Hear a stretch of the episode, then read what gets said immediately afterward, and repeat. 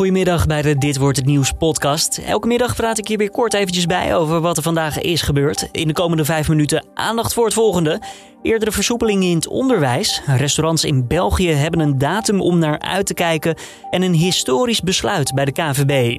Mijn naam is Julian Dom. Het is vandaag dinsdag 11 mei en dit is de Nu.nl Dit Wordt Het Nieuws middagpodcast. Het kabinet wil ergens de komende twee weken een beslissing nemen over de volledige heropening van de middelbare scholen. Dat meldt de NOS. Die versoepeling zou dan in de week van 31 mei ingaan. Dan hoeft er ook geen anderhalve meter afstand meer gehouden worden. Eerder vandaag hebben de VO-raad en de LAX bij minister Slop aangedrongen op al eerdere heropening. Namelijk na Pinksteren. En dat is al een week daarvoor. Dat zegt de voorzitter van de VO-raad bij de NOS. Samen met de leerlingen doen we een beroep op het kabinet om die opening van die middelbare scholen en daarmee dus het opheffen van die anderhalve meter tussen die leerlingen, om die versoepeling aan te brengen in de tweede stap waar het kabinet nu over spreekt. Nu gaan leerlingen in het voortgezet onderwijs wel één dag in de week naar school, maar ze moeten dan wel op anderhalve meter afstand van elkaar blijven. België loopt een stukje voor op ons. De Belgen heropenen de horeca vanaf 9 juni weer volledig en restaurants mogen dan weer binnen gasten ontvangen. Wel nog met een paar haken en ogen is te horen bij de VRT. En een beetje met dezelfde regels zoals nu op het terras. Een tafel van vier uh, zal dat zijn, tenzij je gezin bestaat uit vijf personen. Dan kan je met vijf aan tafel. Opnieuw dat uh, irritante mondmasker aandoen als je naar het toilet moet of moet uh, gaan betalen. Ook de bioscopen, sportzalen, theaters en casino's gaan dan open. Net zoals de jaarmarkten en kermissen. En verder kunnen de zomerfestivals Pukkelpop en Tomorrowland, die ook bij Nederlanders populair zijn, naar verwachting ook gewoon doorgaan. Dat maakt de Belgische premier net bekend tijdens een persconferentie. Vanaf 13 augustus zal het ook mogelijk zijn om grotere evenementen te organiseren buiten, onder voorwaarde dat de deelnemers ofwel een bewijs van vaccinatie hebben ofwel een bewijs van een negatieve test.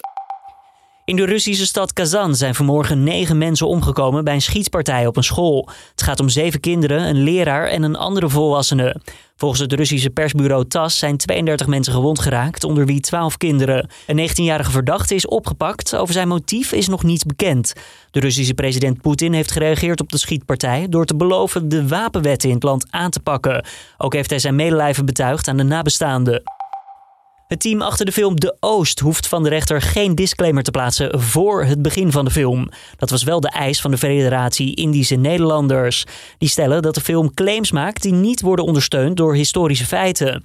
De rechter stelt dat een verplichte toevoeging voorafgaand aan de film een vorm van preventieve censuur zou zijn. En dat zou alleen rechtmatig zijn als de film zelf tot onherstelbare schade zou leiden. En dat is dus niet het geval. Daarom is besloten dat enkel een disclaimer na afloop van de film rechtmatig is. Vrouwelijke amateurvoetballers mogen vanaf volgend seizoen voetballen in het eerste mannenelftal van hun club. De KNVB heeft als eerste voetbalbond ter wereld toestemming gegeven voor het gemixte voetbal. De verplichte keuze voor vrouwen om bij een vrouwenelftal aan te sluiten of een divisie lager te blijven vervalt dus, vertelt de KNVB. Nou, dat is nu voorbij.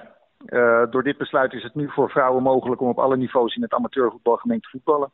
En iedere vrouw heeft nu de mogelijkheid om een passende plek te vinden in het, uh, in, in het voetbal, voetballandschap. Zelf noemt de bond het een historisch moment. Er is zelfs al een pilot geweest en die was succesvol. Vandaar dat de knoop nu doorgehakt kon worden. Nou ja, daar kwamen hele positieve reacties op. En op basis van nou ja, de huidige tijdsgeest en de informatie uit die pilot hebben we besloten om dit niet door te voeren. Dan nog het weer van Weerplaza. Verspreid over het land enkele stevige buien, mogelijk met wat onweer. Komende nacht verdwijnt de meeste regen. En morgen wisselen zon en wolken elkaar dan af. In het zuiden nog een kleine bui en het wordt dan zo'n 18 graden.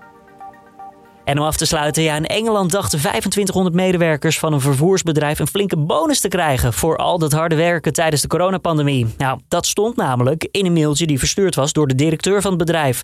Maar als je op de link klikte, kwam je bedrogen uit. Het bleek namelijk te gaan om een phishing-test van de ICT-afdeling. Om even te kijken of werknemers er ook daadwerkelijk intrapten.